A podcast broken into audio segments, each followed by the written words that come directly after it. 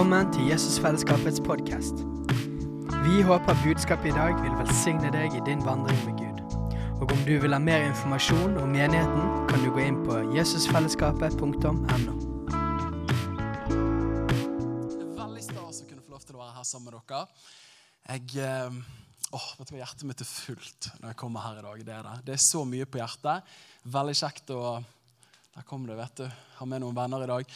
Veldig kjekt å, å se dere fra Passion som er her. Family. Eh, jeg vet for min del at det å komme her til Jesusfellesskapet det er å komme til utvidet familie. Jeg opplever det sånn. Og satt under lovsangen her og så tenkte jeg at dette her dette oppleves eh, som et slektstreff på en måte. da. At, eh, at vår branch kommer litt sammen med deres branch. Dere har et par år foran oss i løypen. Eh, men vi får lov til å være her sammen med dere, og det betyr mye for meg. også. Det gjør det. Eh, og sånn som Steinar sier, så møtes vi annenhver tirsdag, og vi har en lang historie sammen. jeg tenkte, jeg, må nesten bare si det, og jeg kjente på det når jeg kom her i dag, at, eh, at første gangen jeg møtte Steinar, det er vel eh, Det er forholdsvis mange år siden, men hvert fall første gang jeg husker at jeg møtte han skikkelig, det var når jeg var 13 år gammel. Ehm, og Da var jeg eh, på en leir sammen med et par andre. og Det var mamma og pappa som eh, hadde sendt meg på leir i en menighet som jeg gikk i da, som er kristen enhet. og da Rose og Otto Nesse er her i dag, så det er veldig artig. Ehm, jeg var der lørdagskvelder, og så var det en type som kom opp med tatoveringer der. Og så sa han at 'Den hellige ånd er virkelig'. Og jeg bare tenkte, oh yeah. Eh, Og han sa at jeg kunne bedt Den hellige ånd slå ned i meg akkurat nå. Jeg hadde falt tilbake. Og jeg bare tenkte, I bet liksom, come on, vis meg det. Han gjorde ikke det, da. Eh, Men så kom øyeblikket der han sa at hvis noen av og har lyst til å møte Gud, så kan du få lov til å gå ned på knærne dine. Og så gikk jeg ned på knærne mine, og jeg forventet ingenting. Men når jeg var der på knærne, så opplevde jeg det som jeg i ettertid vil kalle for å bli døpt i Den hellige ånd. Jeg husker Tårene kom, og jeg hadde laget en fin innsjø der. Og jeg husker jeg reiste meg fra gulvet og tenkte jeg, jeg kan aldri bli den samme igjen. da. Og En av de første personene som betydde mye for meg da, var Steinar. Og, eh, og årene, de første formative årene der i min trosvandring så var Steinar kjempeviktig. Og eh, jeg tror til i dag så er han det fremste eksempelet jeg har hatt i mitt liv på hvordan en som har besmittet meg med lidenskap for Jesus. Ikke bare i ord, men med livet som har vært vel levd. Eh, jeg husker også, når jeg var 14 år gammel, i 9. tiende, så sa Steinar Daniel, jeg har tro på deg.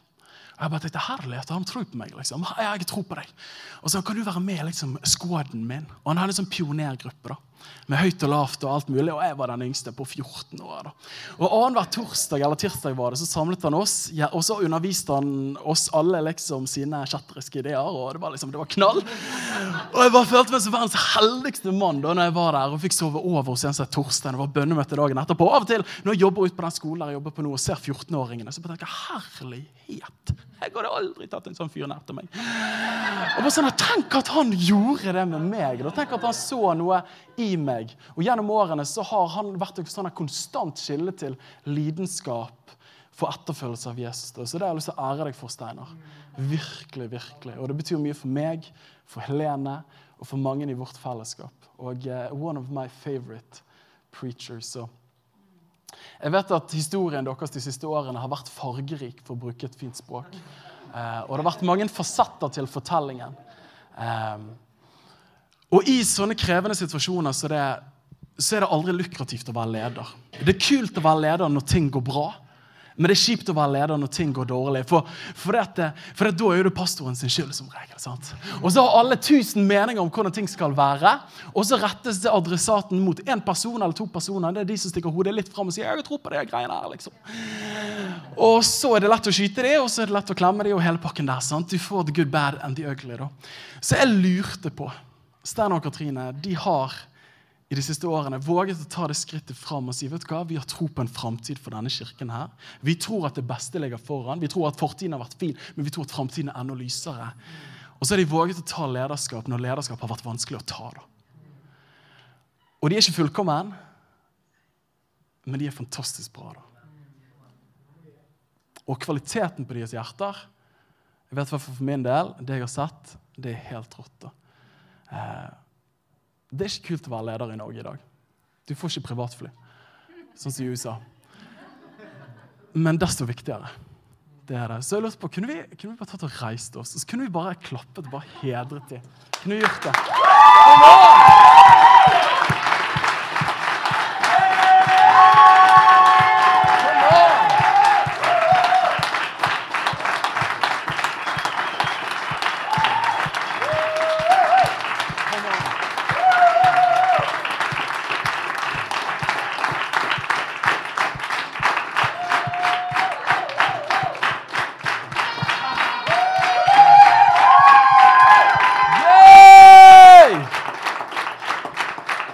Oh yeah!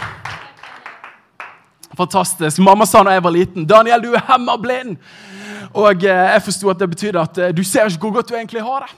Og Av og til trenger du at folk kommer fra utsiden og sier vet du hva, av og til blir man litt hemmerblind. og det er helt greit liksom. Men da trenger man at noen kommer på utsiden og sier vet du hva, du er ganske heldig. faktisk.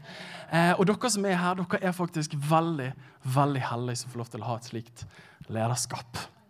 Er vi enige om det? Skal vi ikke bite for mye her? Skal vi klappe og heie mer? Veldig bra. Takk for det.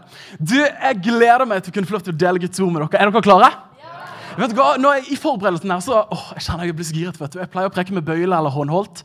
Så det at De fanget meg i dag med en sånn greie her, liksom, og så skal jeg ha kontroll osv. Vi, vi prøver. Går det greit? Du, nå, I forberedelsen her så Herlig, dette kan ta lang tid, altså. Jeg kjenner det. Hjertet er fullt i dag. Jeg må, jeg må, jeg må bare si at Forrige søndag når Steinar var hos oss elsker jo Steinar.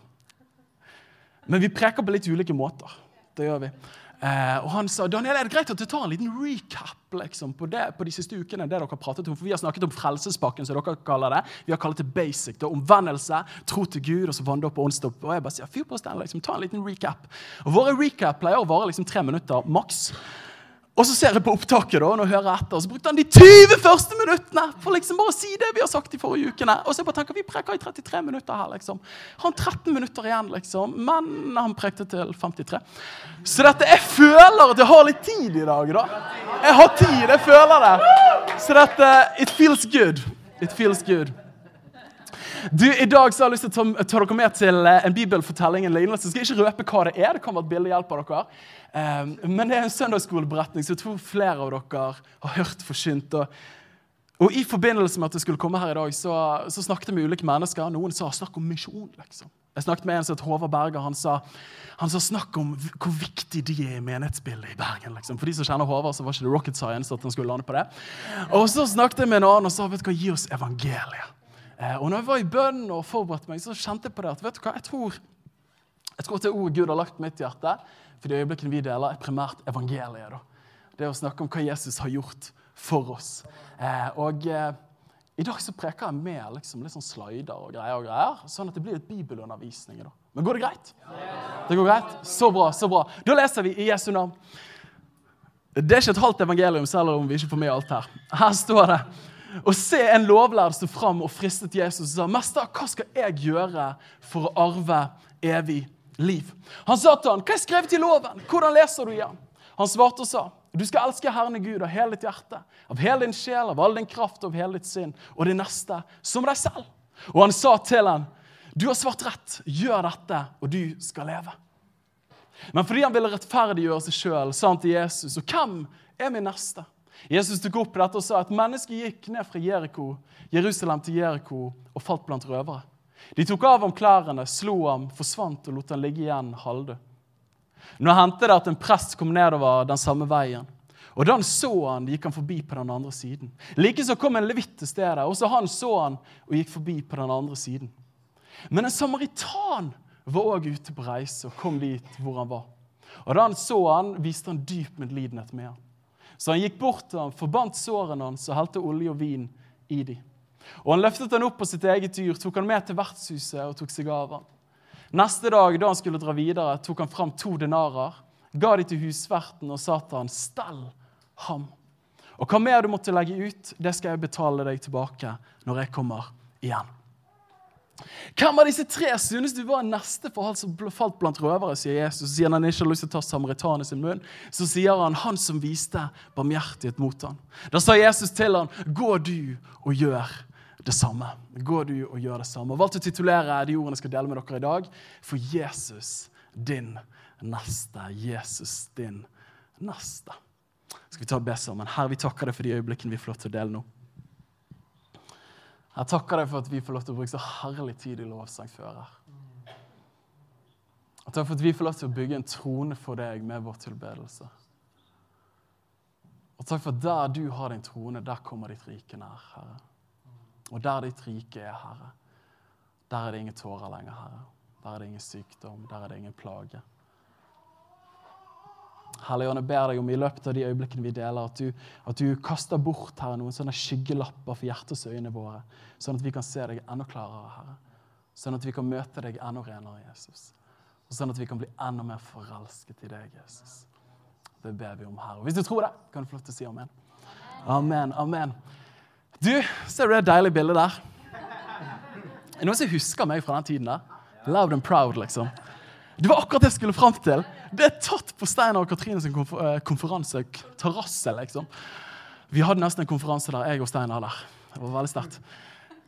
Men det bildet der, da, det er tatt eh, et par uker etter at jeg har hatt min, liksom, min toneangivende Jesusvalg. da. Jeg møtte Jesus i januar, eller jeg opplevde å bli døpt i Den hellige ånd. sånn som jeg refererte til, til å begynne med, i januar, Og så gikk det et par måneder der jeg hørte på litt sånn Hillsong-låter og litt hei hvor det går, liksom, og så gjorde Jesus et eller annet i hjertet mitt. Og når jeg kom til juni, så hadde vi en ny leir, og da hadde jeg bestemt meg for at jeg skulle gi livet mitt til Jesus Kristus som personlig herre og frelser. Og så gjorde jeg det, da, og så gikk det, og i det jeg gjorde det, så var det akkurat som det bare var en altså en bryter som klikket over. og Det bare eksploderte rundt meg. Folk begynte å bli helbredet, folk begynte å komme til tro. Og jeg bare tenkte wow, hvilket liv dette er å få lov til å leve. Og jeg husker I løpet av den sommerferien der, så var vi i Kristkirken med familien en gang. og Så så jeg at det var en type foran scenen som ropte høyt og hadde et flagg i hånden. og hadde en Jesusfisk, og Det var jo min gode nye venn Steinar Lofnes. Og Etter gudstjenesten så tok han meg med hjem til seg. Og så fortalte jeg noen vitnesbyrd som han filmet, og så ble lagt ut på Kristkirkens nettside. Og Det var masse detaljer her, men så satt jeg der, da. Og dette er altså Daniel, nyforelsket i Jesus Kristus. Og nå skal jeg ha en liten sånn, eh, liten sånn meteorolog med dere. Men ser dere, eh, ser dere armen min der? Vet dere hva det var? Det var VVJD. Det var What Would Jesus Do? Armbånd. Er husker de greiene der? Det var liksom, det var kristenfloppen eller poppisen på 90- og begynnelsen av 2000-tallet. og sikkert før det. Og eh, det var jo sånn at eh, Når du satt på bussen og ikke visste hva du skulle gjøre for noe og bare sånn, herlighet, jeg vet ikke hva jeg skal gjøre for noe, og Så kommer det inn en gammel dame. jeg bare vet ikke hva jeg skal gjøre. Og så skulle bare hånden liksom bare, hodet bare gli ned på hånden. Skulle du se det armbåndet der bare det. Hva ville Jesus gjort? liksom? Jo, hvis det kom en gammel dame på Jerusalem-skjæren når Jesus tok taxi der, så ville han gitt plassen til henne. Så hoppet du av, og så slapp hun til. sant? Det var det det var for noe. Det skulle liksom være et moralsk kompass som hang på armen din til enhver tid. Og husker, jeg må bare dele, men husker når jeg var, gikk cirka i sånn her femte klasse, så hadde jeg en, en venninne på Tertnes barneskole. Jeg har god tid i dag, så jeg, jeg, bruk, jeg tar assosiasjonene mine. Og så, og så, var jeg på Tertnes barneskole der, og så hadde jeg en god venninne. Hun var liksom steinateist, liksom, den familien der. da. Hvis det går an å være det. Uh, hun var liksom real deal ateist. Og så en dag når jeg kom ned til henne for å spille PlayStation 2 og James Bond, for vi hadde ikke det hjemme, for mamma og de er pietister, og så, og så så jeg på armen hennes at hun plutselig hadde VVJD-armbånd. Jeg bare tenkte halleluja, glory to God, liksom. Mine bønner har blitt hørt. Jeg bare tenkte, Har du fått sånn VVJ-armbånd? Jeg spurte liksom ikke om hun var døpt og fulgt Den hellige ånd. og alle de greiene. Jeg visste ikke hva det var på den tiden. Eh, og så sa hun jeg vant det på tivoli. Ikke sant? Det sier hvor utbredt det greiene der var. Hvis jeg ser på andre hånden min der, så har jeg et feit armbånd. Du ser ikke det så veldig bra, men der står det 'Live for him'. Og four er skrevet med firetall. Come on. Altså, Det blir ikke bedre enn det. Med gotisk skrift. For når jeg hadde bestemt meg for å følge Jesus, dro jeg rett til den lokale bokhandelen i Åsane og bare sa hva har dere av merch, liksom. Verden skal vite at jeg følger Jesus Kristus. Så jeg vet ikke om, om du ser det, men dette var jo den favoritt-T-skjorten min. Min første V-T-skjorte. Det er jo egentlig en rar oppfinnelse. Men midt i der så er det akkurat som det skinner mot deg. da. Og det er et kors. Og alle bare Ja, halleluja. Men jeg bestemte meg for at når jeg, når jeg skulle følge Jesus, kunne jeg ikke ha et barnedåpskors og et lite gullkors. Men da trengte jeg å ha det største de hadde. Så jeg kom opp der, vet du, gode gaver, 316, hva det het på den tiden der. Så jeg kan ha dere kors, liksom. Og da var det det største korset. Og det var jo ikke gullformet. Sant? Det var nagler. Det er jo estetisk forferdelig. Men jeg ville ha det, da. Og jeg sier bare dette for å illustrere at det var liksom alt jeg var og alt jeg hadde, skulle jeg følge Jesus Kristus.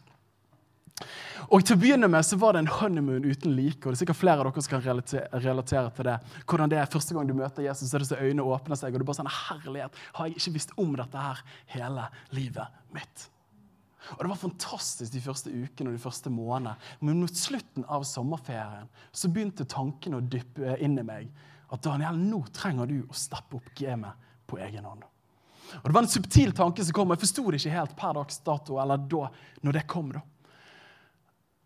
Og så gikk Gud fra å være veldig varm til å bli en litt sånn vanskelig skikkelse etter hvert.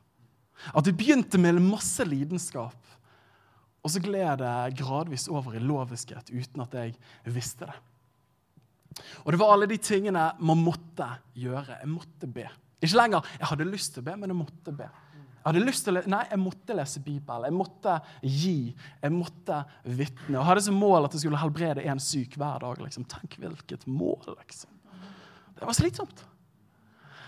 Og jeg tror mange av oss har opplevd det her, at Gud blir en litt sånn krevende størrelse av og til. At det begynner gjerne så utrolig varmt, men så blir han så vanskelig.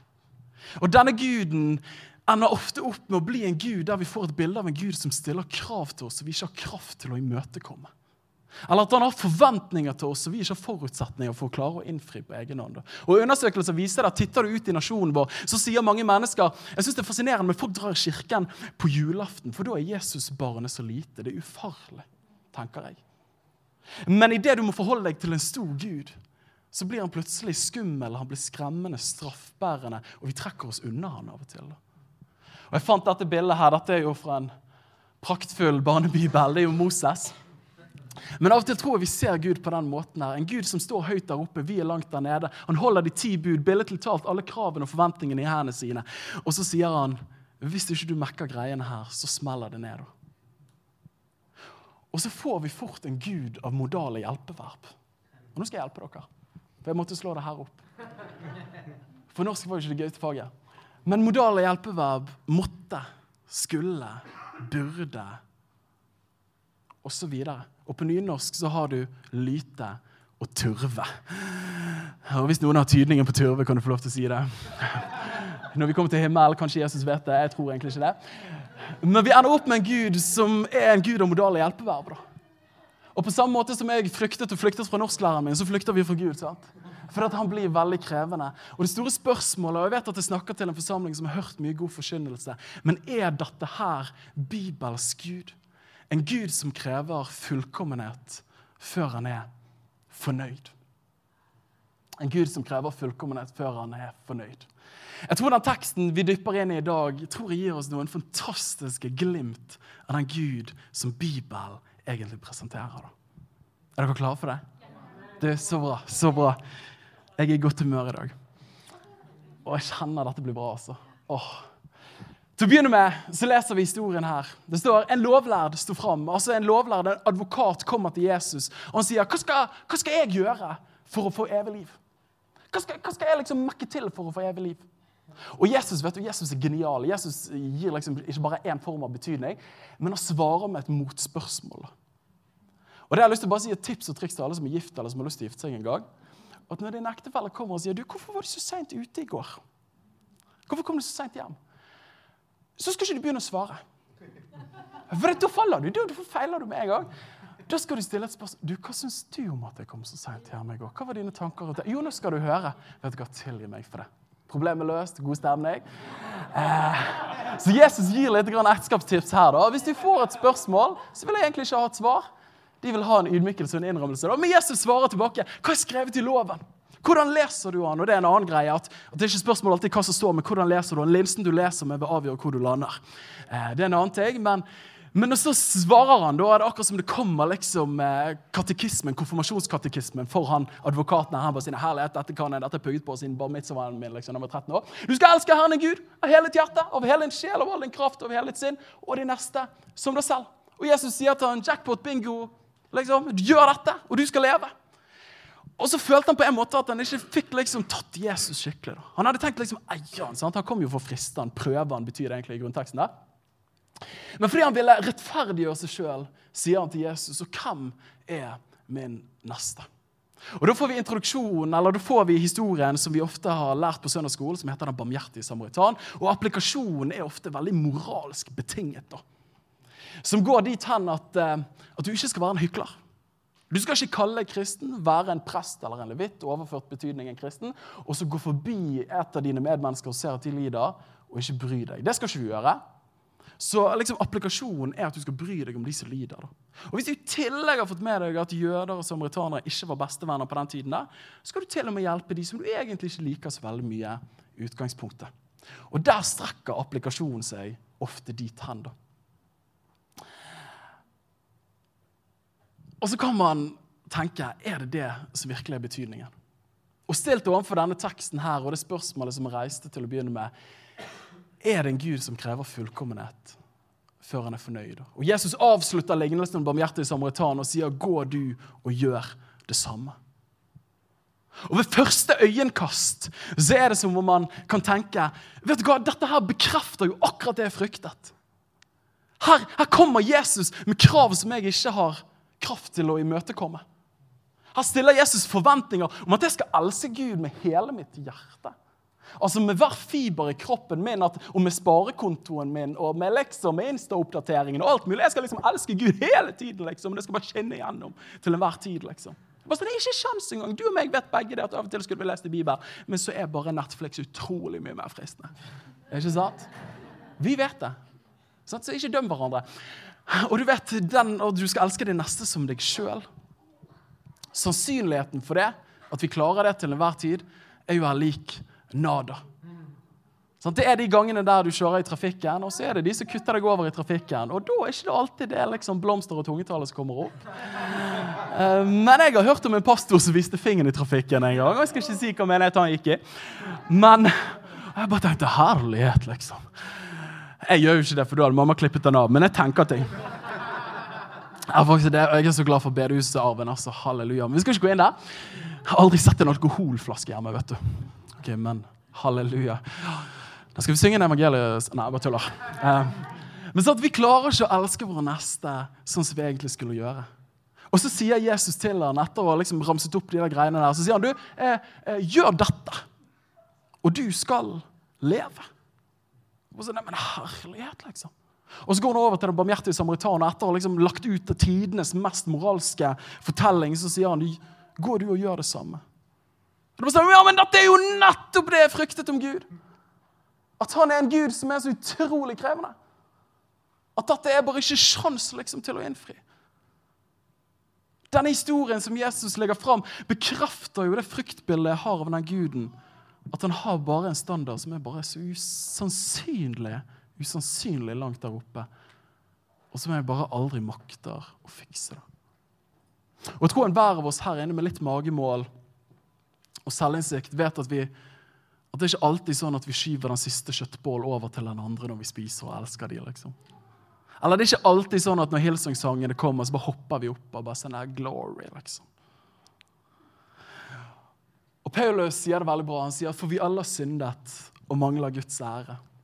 Og Det er et gammelt bibelspråk, det der, men, men, vi alle har syndet, vi alle har feilet, vi alle har bommet på målet. Vi alle har liksom tatt den ekstra kjøttbollen når vår søster egentlig var sulten. Vi alle har liksom sett på Netflix når vi egentlig skulle lest i vår bibel osv. Og for å liksom overføre det til i dag, så er det sånn ingen av oss har egentlig cred overfor Gud. Altså, Vi har ingenting å stille opp med der. Og, og Jakob tar det enda videre. vet du. Han sier for den som holder hele loven. liksom. Liksom bare, Jeg har alltid spandert siste kjøttboll. Liksom, den svenske Ikea-kjøttbollen i Åsane. Liksom. Alltid gitt den til de ved siden av. liksom. Men det var en torsdag kveld. liksom. Du var bare så sykt sulten. Og da tok du den siste kjøttbollen. liksom. Ja, men da har du feilet for alltid! liksom. Det er som om alle dagene, det er som om alle kjøttboller du har delt ut, bare aldri gjelder. liksom. Er du med meg? Det er bare utrolig høye forventninger her. da. Det var sånn at Dette funker ikke, Jesus. What's the deal? Og jeg har lyst til å foreslå for deg og, å, ta meg god tid, vet du.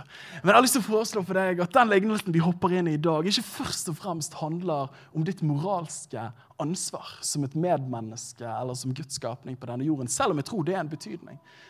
Men jeg tror at Gud ikke åpenbarer seg som en kald og kravstor hersker, men som en kjærlig hjelper i denne beretningen. Og Teologen N.T. Wright jeg synes det var så oppmuntrende. Han sa det sånn som dette, at ofte er de beretningene vi tror vi kjenner, og har fått en betydning overført fra tidligere generasjoner, ofte de beretningene som har de dypeste lagene, da, som vi går forbi og ikke ser. Da. Jeg tror at denne fortellingen er akkurat en av de. da. Det første vi møter i denne lignelsen her, og dette er så gode nyheter, venner Åh! Det første vi møter, er et menneske som går fra Jerusalem til Jeriko. Jerusalem på den tiden var 760 meter over havet. Og nå var det flere av dere som tenkte ja, det er fortsatt det i dag. 760 meter over havet. Og Jeriko var 260 meter under havet. Og det er det fortsatt i dag. Og Jeriko er faktisk den laveste byen på jordens overflate, som ligger under havets overflate. da. Og dette, denne veien her var ikke det stedet der du fylte opp XC70-en din og tok med familien din på familietur. og liksom kjørte nedover der, For dette var ørkenlandskap, det var smale veier, det var kronglete veier, og det var utsatte steder for røvere, sånn som, ble, sånn som vår person i denne teksten opplever. Og Man kalte denne veien for Blodpasset, eller Blodveien, den røde veien, osv. Det var akkurat det som skjer med vår person òg, at han ble overfalt av røvere her. Men jeg tror da at det Jesus løfter opp her, egentlig ikke bare er fortellingen om en fiktiv person, et menneske, men jeg tror egentlig det er fortellingen om menneskets historie. da. Og Vi leser om Adam og Eva. Det står at slik som synden kom inn i verden ved ett menneske, og døden ved synd, og døden slik trengte seg inn til alle mennesker fordi de alle syndet.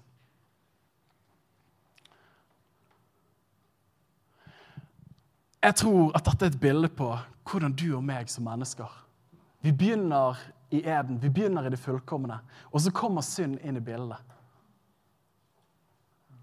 Og så vet vi at idet syndefallet kommer, så går ting bare nedover. Og så blir vi forvist fra hagen, og Guds gode vilje, Guds gode skapervilje, den blir forkludret, og så blir vi forvist, og så er resten historie. Og gjennom hele Gamle testamentet og gjennom hele menneskets historie så er det en stor nedoverbakke fra Jerusalem til dybde, fortapelse, avgrunn på egen hånd. Og Så sier Jesus at denne personen gikk på dette brutale landskapet, disse smale, kronglete veiene, og så ble han liggende halvdød, overfalt av røvere. da. Og hvis vi er litt ærlige med hverandre, så har synd kommet inn, og gjennom synd så har døden trengt inn til alle mennesker som vil lese det. Og ting er ganske halvdødt rundt oss. da. Jeg tenker Hvis du sipper inn på NRK klokken 19 på kvelden, og så ser du et par mil ut i verden fra et makroperspektiv, så ser man fort at ting er ikke greit. Man ser fort at synd er en levende realitet. Jeg bare tenker på Afrika, som på mange måter er en stor tragedie. Jeg tenker Midtøsten de siste årene, hjerteskjærende. Og se nyhetene derifra. Hvis vi zoomer litt lenger inn, Vi trenger ikke å ha et makroperspektiv, men har vi et mikroperspektiv og titter inn i livene våre, så tror jeg at vi alle vet at det er tankerekker hos oss som er passe skadet. At det er emosjoner som er passe såret og lammet og ganske halvdøde. At det er holdninger som egentlig stinker. Det er, det er ting som man gjør iblant, har gjort, som egentlig ikke tåler lyset av dagen. Det er ganske halvdødt opplegg, de greiene her. Og Hva er det som forårsaker dette halvdøde greiene her? Jesus sier jo det sånn at tyven, røveren som er i denne teksten Jesus sier i Johannes 10, 10 så sier han at tyven kommer ikke for noe annet enn for å stjele, drepe og ødelegge. Denne beretningen her handler ikke først og fremst om en person som var litt uheldig på charterturen til Jeriko. Liksom. Og så falt blant røvere og hadde ikke mer penger igjen i tasken. liksom. Dette her er jo fortellingen om menneskeheten. Hvordan vi begynte i Eden, hvordan vi begynte i den fullkomne hagen sammen med Gud. Og Så kommer synd inn i bildet og ødelegger hele ligningen, og vi er på vei ett sted, og det er mot avmakt og fortapelse på egen hånd. Og langs den veien som heter livet, som er utrolig usminkede saker, som min gode venn Håvard Berger alltid sier Daniel, livet er usminkede saker. Han er pastor, vet du. Det er så fint å si at det er så mange tapre mennesker der ute. Det er så fint. Jeg bare, ja, det er sant, Håvard. Det er så mange tapre mennesker. Får lyst til å bli pastor. Skikkelig pastor. Men livet er usminkede saker. Og det er vanvittig mange tapre mennesker der ute. Men i større eller mindre grad så tror jeg at vi alle ligger oss sjøl på egen hånd så ligger vi litt halvdøde i grøften.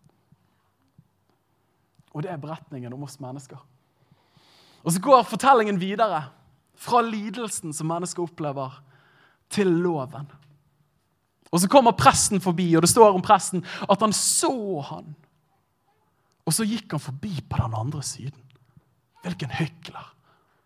Og så kommer levitten og Levitten, presten, var jo de som sto mellom folket og Gud og gjorde soning for folkets synder ved å ofre masse greier. Og levittene var tempeltjenere eller prester i noen tilfeller, de òg. Og de sto mellom folk og Gud. Dette var de folkene som liksom skulle greiene, skulle kunne greiene. Og så ser de, og så går de forbi på den andre siden. da. Og sånn som Jeg lærte denne beretningen når jeg gikk på søndagsskole og samlet stjerner på det kortet. Det er herlig, vet du. Er det noen som noe, hadde mange stjerner? Ja, disse Guds favorittbarn. Det er kristenpoeng, vet du. Men jeg lærte det når jeg gikk på søndagsskole. Jeg husker Vi hadde en gammel søndagsskolelærer. Han var skummel. Jeg husker, jeg husker så godt jeg og Mats vi skulle rømme fra søndagsskolen. Og så tar vi sats, og så løper vi ut. vet du. For Trygve har sagt at dere får ikke lov til å løpe fra søndagsskole i dag. Og jeg bare tenkte Herre, fri oss. Så jeg tar fart, vet du, jeg og Sverre, min gode venn. Og Mats, vet du, han var sistemann. Og Trygve Det var harde kår på den tiden i Åsane, altså. Han løper etter oss. Og han tar Mats ved armen. Og jeg husker det fortsatt. Han griper deg ved armen. Og så gråter Mats og hyler idet han drar han med seg inn igjen på søndagsskolen. Og jeg og Sverre, vi slapp. Gud være lovet. Det var herlig. Troen ble styrket av det, Mats. Men sånn som jeg ble lært eh, denne beretningen her, var det at disse, denne presten og denne levitten disse var noen hyklere. For de visste jo egentlig hva de burde gjøre, men så gjorde de det egentlig ikke. da. Men jeg har lyst til å foreslå for deg at jeg tror egentlig ikke dette er liksom første betydningen av teksten. eller den dypeste betydningen. Jeg tror egentlig presten og levitten er et bilde på loven og på profeten i Det gamle testamentet. At loven og profeten, Hva var loven for noe igjen? Jo, loven var en, De første fem Mosebøkene så får du loven som blir gitt til israelsfolket. Og de som har peiling på det, sier at det er 613 påbud og forskrifter som folket skulle opprettholde. Det er ganske mye. Tenk å stå opp om morgenen og har liksom 613 påminnelser på iPhonen din. Og sånn, I dag skal jeg ikke gjøre meg uren ved å ta på en person som eh, Et eller annet, liksom. Og hvis jeg gjør det, så må jeg leve en uke i sølvparti liksom, og ute i bygden et eller annet sted under en busk. sant? Altså, det er crazy! Og når du liksom har fikset én, så har du 612 igjen. liksom. Det er ganske heftig opplegg. da. Sånn, ding, ding, ding, ding, ding. Ikke gjør, ikke gjør, ikke gjør. ikke gjør. Presten og profeten er på mange måter et bilde, et fotografi, av den Gud er. da. Og jeg tror Loven er jo ikke noe kjipt med den. det er jo ikke noe feil med den. Loven er jo fantastisk. Jeg tenker på de ti bud. Du skal ikke lyge. Gud lyger ikke. Derfor skal ikke du lyge. Loven er et fotografi av Gud. Du skal ikke lyge. Gud lyger ikke. Ikke noe problem for han, liksom. Men litt verre for oss. Du skal ikke ha andre guder enn meg. Gud er jo offisielt Gud i eget liv. sant? Så dette, det er ikke noe stress for han, men vi er av til andre guder. Du skal ikke drive ho. Gud, Gud begjærer ikke. Han har alt han trenger. Og så Loven er jo fullkommen, og loven trasker gjennom jorden. Og han trasker på den smale stien, og den forviller ikke seg ut i utkanten. For dette er jo bare et fotografi av Gud. Det er fullkomment, det er hellig, det er rent. Men det eneste problemet med loven er at han kan stille en perfekt diagnose på livene våre. Men han har ikke noe kraft til å forandre det. Så loven kan gå forbi og, og si at 'jeg ser deg', men, men jeg kan ikke hjelpe deg. For jeg kan bare si hvor langt unna du har falt fra den smale sti. Jeg kan bare fortelle deg hvor langt unna standarden du egentlig har kommet. Men jeg kan ikke fri deg ut. da. Loven er god. Paulus sier det sånn som dette her at uh, La det stå fast. Altså, Ikke tull med det her, liksom. Ikke tull, folkens. Loven er hellig. Og budet er hellig. Det er rettferdig. Det er godt. Det er ikke noe feil med Guds standard. Den er helt tipp topp. den. Det er som Gud sjøl. Det er faktisk helt top notch. Det går ikke an å få det bedre. Eneste problemet er at steintavler aldri har helbredet et eneste menneske. At et steintavler har aldri løftet noe menneske opp noen gang før. Det har vært veldig flink å knuse rygger med diagnoser. Men det har vært veldig dårlig på å løfte mennesker opp til nytt liv. Da. Og Dette var min erfaring idet jeg begynte å følge Jesus Kristus. Så møter du Guds nåde, varme, lidenskap. Men pga. at vi lever i det samfunnet vi lever i, og jeg har valgt å coine det som karmakristendom Men du får det du fortjener. Og hvis du leverer inn masse gode kristenpoeng og stjerner på det søndagsskolekortet, der, så smiler Gud i himmelen og gir deg gode gaver. Og du får bønnesvar. Men hvis de stjernene uteblir fra det kortet der, og du ikke er helt tipp topp i din bibellesning, og av og til stjeler et par kjøttboller, og så, videre, og videre, så er ikke Gud i fullt så godt humør lenger. Og da kan ikke du forvente deg så veldig mye bra. da. Så jeg I slutten av sommeren i åttende klasse så lager jeg det tidsregimet. Jeg skal be tre timer hver dag. Herlighet, det var mye, vet du. Steinar vet du, har lært meg mye bra. Men du vet, når du ikke har et hjerte som tar imot, eh, tar imot som er liksom oppgjort, da, så blir det litt rart av og til. Daniel, det er veldig bra med morgenbønn. Ja, det er bra med morgenbønn. Stå opp klokken seks, jeg. Woo! Holdt på å dø, vet du. Først én time bønn til klokken syv, og så fra syv til 7.20 så får du bibellesning. Jeg burde prioritert annerledes i dag. Um, men så var det 20 minutter fra 7.20 til 7.40 når bussen gikk. Så da skulle jeg spise opp busstenner og løpe til bussen samtidig. Så det var, det var heftige greier. og når jeg kom hjem, så var det to timer inn på lønnkammeret. Og så husker, husker du Steinar, du sa det er bra å faste, Daniel. Så han bare jeg eh, Vi er en sånn gjeng i, i, på bibelskolen nå som faster hver mandag. Og det er bare bra. Du, du, vet, du vet hvor det står Jesus sier at dette slaget farer ikke ut uten bønn og faste. Vi trenger faste, vi trenger kraft. liksom. Jeg bare, ja, vi trenger kraft. Så jeg bare tenker, mamma, jeg skal begynne å faste. Hun bare ja, halleluja, Gud velsigne deg, sønnen min. liksom. For hun var jo det bønnesvaret. Jeg liksom kom til henne med så hun bare fast så mye du vil, du. Så jeg begynte å faste hver eneste mandag. Og vet du hva, etter det første året der Jeg trodde jo jeg altså, jeg var levende død, altså. Og husker, Jeg vet ikke om dere har hatt den opplevelsen, men jeg husker at du, Det var jo gateevangelisering. Det var jo det hippe da, og det er jo fantastisk. Det er fint. Eh, så husker jeg det at bare sånne svingende Jeg vet jo egentlig ikke om jeg vil at de skal ta imot de greiene her. For dette er utrolig strevsomme saker, denne troen her. Og hvis vi er ærlige med hverandre Jeg tror flere her inne har tenkt det. Sant? At jeg, jeg vet ikke om jeg orker de greiene her, da. Og jeg tror at det er den menneskelige tilbøyeligheten når vi opplever vår halvdødhet i grøften. At det første vi gjør, er at vi ser loven. Vi ser presten og levitten gå der borte, gudsstandard, og vi bare tenker yes, det er der jeg skal være. Og så begynner vi å prøve å dra oss opp fra gulvet. Vi prøver å dra oss opp fra veikanten. Og liksom, ja, jeg skal be, jeg skal faste. Og så bare og så prøver du å strekke deg opp, men i det du strukker deg opp, så går det ikke lenger tid før du har falt ned igjen. Da. Og så er det enda mer smertefullt enn tidligere. Men det som er gode nyheter, venner Her kommer det, vet du. Det at det stopper ikke med loven men at det går videre til livgiveren. Og Paulus sier det så utrolig bra, for han sier for det som var umulig for loven, fordi han var maktesløs pga. kjøttet, pga. du og meg, vi er litt halvdøde, det gjorde Gud ved å sende sin egen sønn. Det gjorde Gud ved å sende sin egen sønn. Livgiveren, den tredje livgiveren. Og så kommer Jesus, og så sier han, men, men en samaritan kom på veien der. Og Er ikke du glad av og til at Gud menner din historie? Er ikke du glad for det? Er ikke du glad for det? At Gud av og til bøtter din historie på engelsk. At i de situasjonene du står overfor som er krevende, så kommer det av og til inn at denne relasjonen denne kunne ikke funke. Det var ingen løsning, men Gud grep inn. Eller dette ekteskapet her hadde kjempet så lenge med, og vi hadde prøvd alle rådgivningene og gått på alle kursene, og vi visste ikke hva mer vi skulle gjøre. Vi hadde satt en tidsfrist for når vi skulle gå fra hverandre. Men Gud grep inn. Eller jeg opplever at jeg slet sånn med angst og frykt og panikk. At jeg ikke visste hva jeg skulle gjøre. Men Gud sendte sitt ord, og det helbredet meg. Er du glad for det? Er det noen som trenger en mann Gud i livet sitt her inne? Du, hvis det er det, Kanskje vi bare ber med en gang? Bare ta opp hånden hvis det er deg. I Jesu navn. Herre, vi takker deg for du er en mann Gud, Herre. Og jeg takker deg for du gjorde det da, men du gjør det òg hver gang nå, Herre. Og jeg ber deg for de herne som har hevet Gud, vi bare tror i tro, Herre, at du skal bøtte vår historie. At du skal menne vår historie på nytt, Herre. Og vi ber om det her. Der det er ingen dør, der skal det åpne seg en dør. Der det er fjell som er store, skal de flate seg ut, Herre. Og der det er lenker som binder og holder tilbake, der skal de bli brutt, Herre. Og der det er mørkt, der skal det bli lyst. Og hvis du tror det, kan du si amen. Amen. Men Gud! Men Gud! Og en samaritan, vet du. Og du bare tenker Men Daniel, Daniel, hva er greien her, liksom? Er JC, liksom? Er Jesus Christ en samaritan, liksom?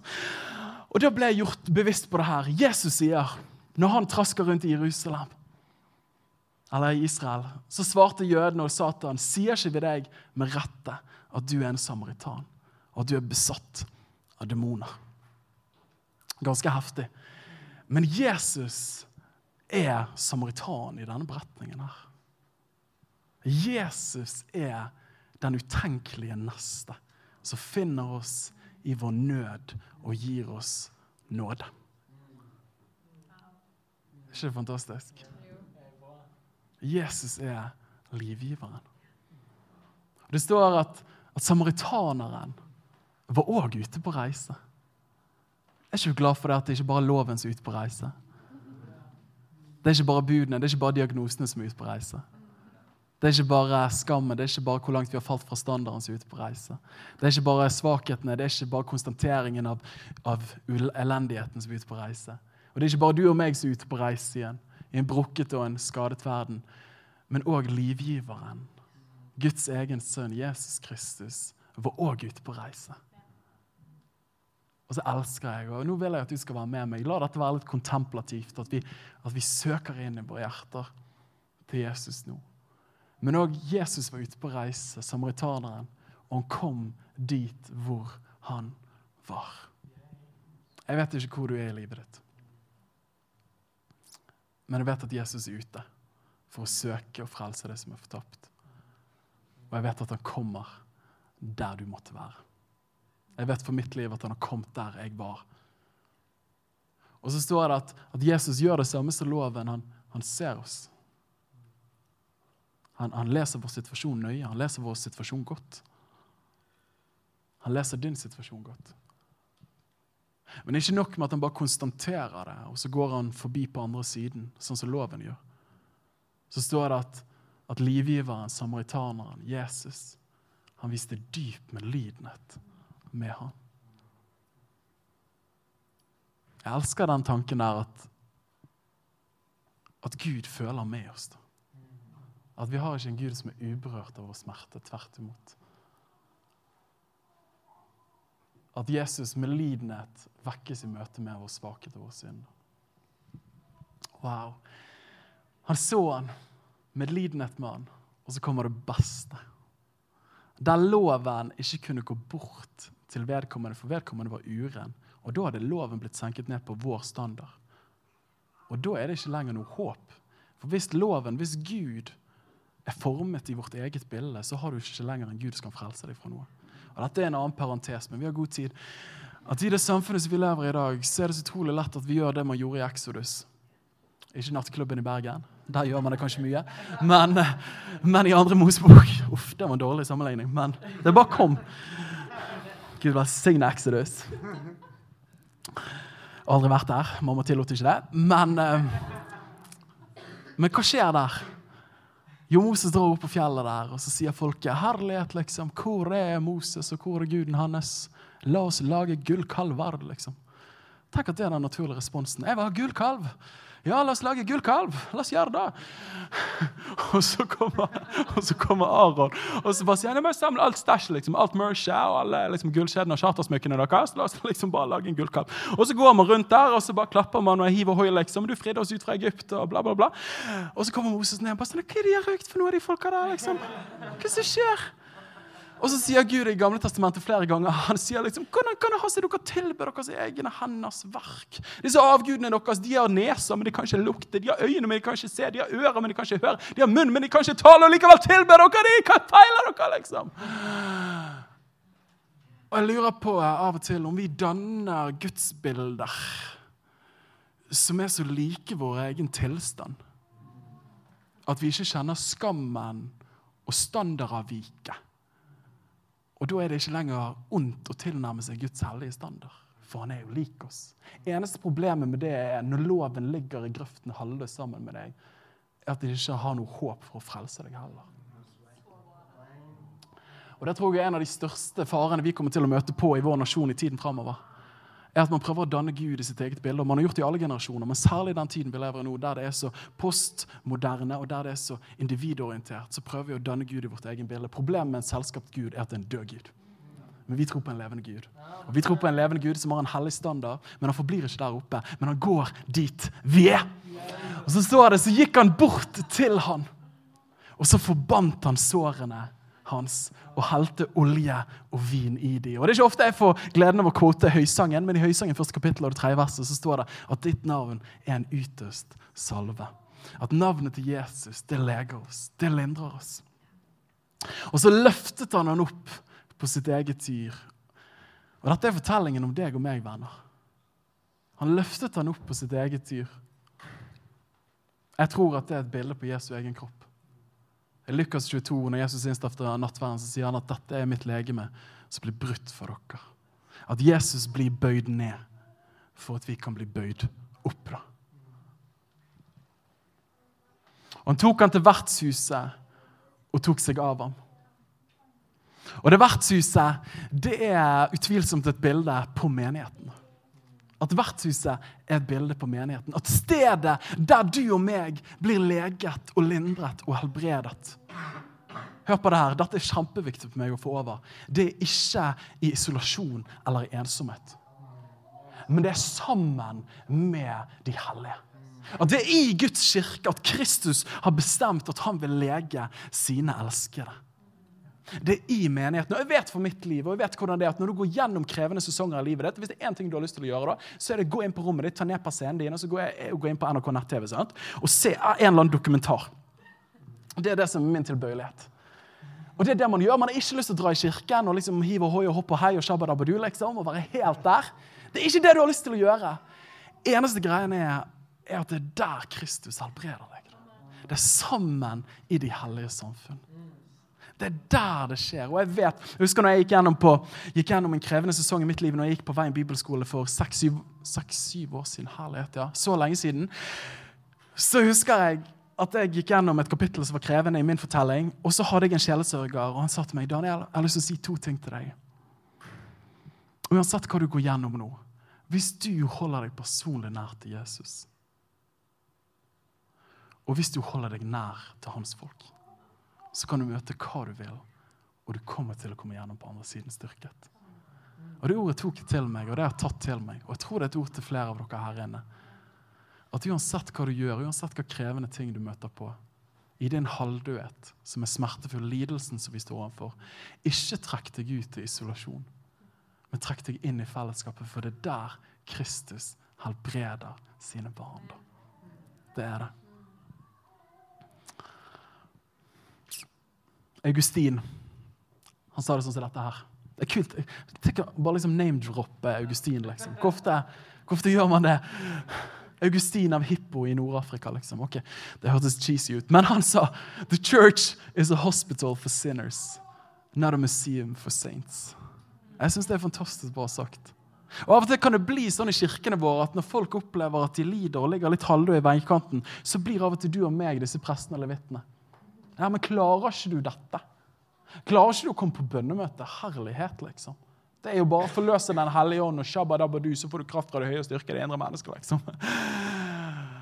Men klarer du Jo, herlighet, så klart klarer du det. Shape it up, liksom. Sånn, er du med? Av og til så blir Kirken av og til et utstillingsvindu for de av oss som har fått det til. Og av og til må du ha en bachelor og en master for liksom være helt med. Og det er den andre faren igjen. da. At Velg deg inn i din skrøpelighet i kirken. Men la oss òg tillate at vi er de vi er, der vi er. da. Og Guds nåde er nok for oss der. da. For det er Kristus som lindrer oss, det er Kristus som leger oss. Det er ikke hverandre. da. Vi gir ikke karakter til oppførsel til hverandre i Guds hus. Dette er nådens hus som Jesus snakker om. Og Jeg ble fristet til å hive på en ekstra L, og nå er jeg snart ferdig her. Men det første var lå, lidelsen. Vi alle opplever lidelse. Jeg preker på bokstavrim, sånn at jeg kan huske det til dør. Lidelse, og så kommer loven inn. Og så er det heldigvis en livgiver. Men det er òg en livsgjerning. da. At den livsgjerningen som Jesus gjør ved at han går ut i en såret verden og søker å frelse det som er fortapt, den oppgaven gir han videre til sitt folk, som er deg og som meg. da. Og nå er jeg snart ferdig, så dere må henge med meg. Men Jesus sier til husverten, eller denne samaritaneren, så sier han 'stell han'. Og Det er et imperativ, og jeg har fått med meg etter å ha på videregående. for jeg fikk ikke med noe i norsktimen, Men det er bydeform. Det betyr, det er ikke sånn, Hvis du føler for det, kan du være med og bidra her av og til. liksom, Koke litt kaffe. det er kjempesaker, liksom. Så at, nei, han, bare, han bare sier nei. Stell han. Og for jeg kommer tilbake en gang. Og Jesus snakker om sin gjenkomst, og da skal jeg tilbakebetale deg det du måtte ha lagt ut. Du og meg vi blir ikke bare invitert. Som forkynnere vi sier at du er invitert med i oppdraget. Det er en fin måte å si det på. Du har ikke noe valg egentlig. Jesus kommanderer deg og meg som etterfølger av han med i oppdraget. da. Og så sier han, stell han. Du og meg, vi har et kall fra Gud til å stelle mennesker som kommer inn i våre forsamlinger. Og bry oss om dem og helle olje og vin i sårene deres. Applisere Jesu navn til deres lidelse. Og være livgivere i andre menneskers lidelse. Og Dette er et hjertesukk, og nå kan det være at det kommer litt sånn, jeg håper ikke det er bitterhet, men jeg er jo menighetsplanter, så du kan kjenne på frustrasjon iblant. Fin måte å si det på. Men det er finurlig for meg, syns jeg, i Norge. At vi elsker Guds hus! Og vi elsker å komme til kirken, og vi elsker å bli leget og lindret og dullet med når livet er vanskelig. Jeg går gjennom akkurat dette nå. og Kjæresten slo opp med meg, liksom vært sammen i to uker, og det er bare dype sår. liksom. Det, liksom, det har vært så lenge. Kan jeg få sjelesorg? Kan jeg komme hjem til deg? Kan jeg sove der? liksom? Er det SoSo-timer? liksom? Er det gratis kaffe òg? Halleluja, liksom. Herlig. Er du med, liksom? Og vi bare kommer der. Bare kan jeg få?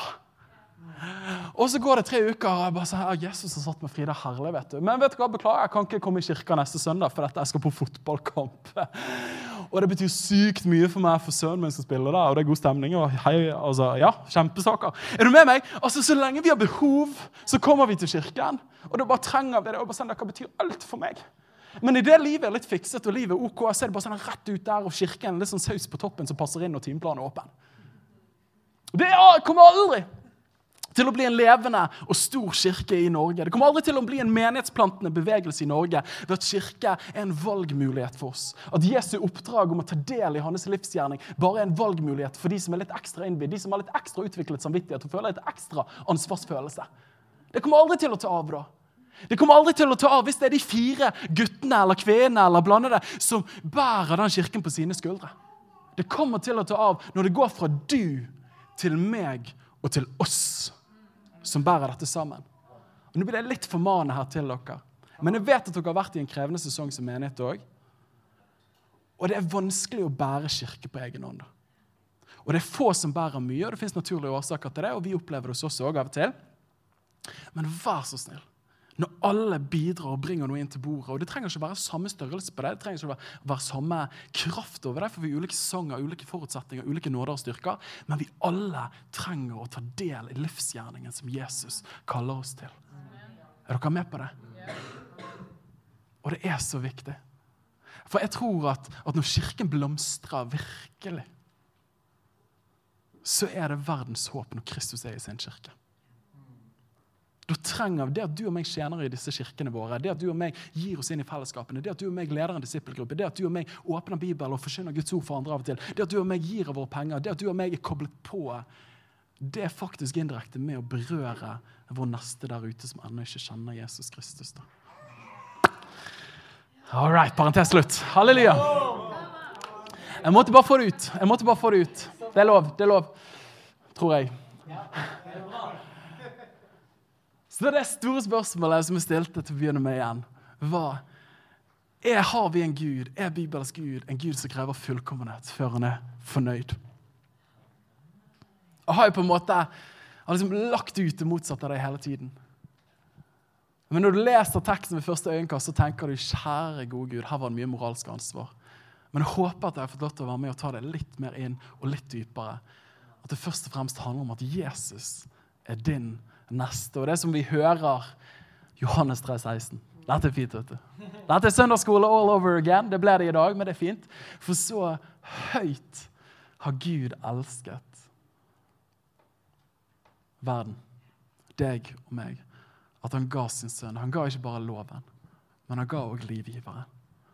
For at hver den som tror, og som lå halvdød i veikanten, ikke skulle gå fortapt, men for evig liv. Første spørsmålet som advokaten stiller, han sier, 'Hva skal jeg gjøre for å få evig liv?' Jesus svarer på hans premiss ved første øyekast. Men jeg tror det spørsmålet som du og meg inviteres til å stille, er ikke 'hva skal jeg gjøre', men 'hva har du gjort for at jeg kan få evig liv'?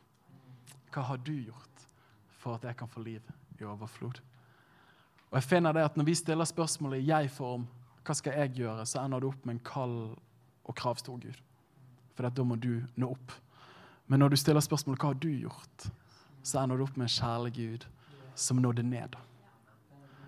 And that's the whole difference. da. Så Jesus kommer med liv i vår lidelse, og vi kalles til å ta del i hans livsgjerning til en lidende verden. Shabba. Skal vi ta og be sammen? Jesus, vi takker deg, Herre, for den du er. Wow, Jesus. Halleluja. Mm. Jesus, du ser hvor lett vi ender opp her med Vi ender så fort opplatt her med at vi prøver å lappe for, på vår egen lidelse. her. Vi prøver å fikse greiene i livene våre sjøl, Gud. Jeg har lyst til å be Jesus for, for våre liv som er i dette rommet, for mennesker i våre familierelasjoner og vennerelasjoner, at du, Herre, ber om en evangelieeksplosjon på nytt, Herre. Herre, at vi skal få lov til å se deg sånn som du er, Jesus. Herre, at du vinner over våre hjerter med din godhet, med din, med din barmhjertighet, Herre, og med din miskunn. Jeg ber om at vi skal få lov til å være sånne gladkristne, Herre. Sånne evangeliekristne i vår verden her, som, som er med å knuse myten om en skummel, skremmende, sint og straffbærende Gud. Men at vi skal få lov til å være med mennesker som løfter opp at hvordan Jesus er din virkelige neste. Og at Jesus finner deg der du er, og Jesus gir deg liv der du er. Jeg ber om det, Herre, i ditt mektige, mektige navn. Mm. Amen. Amen. Takk.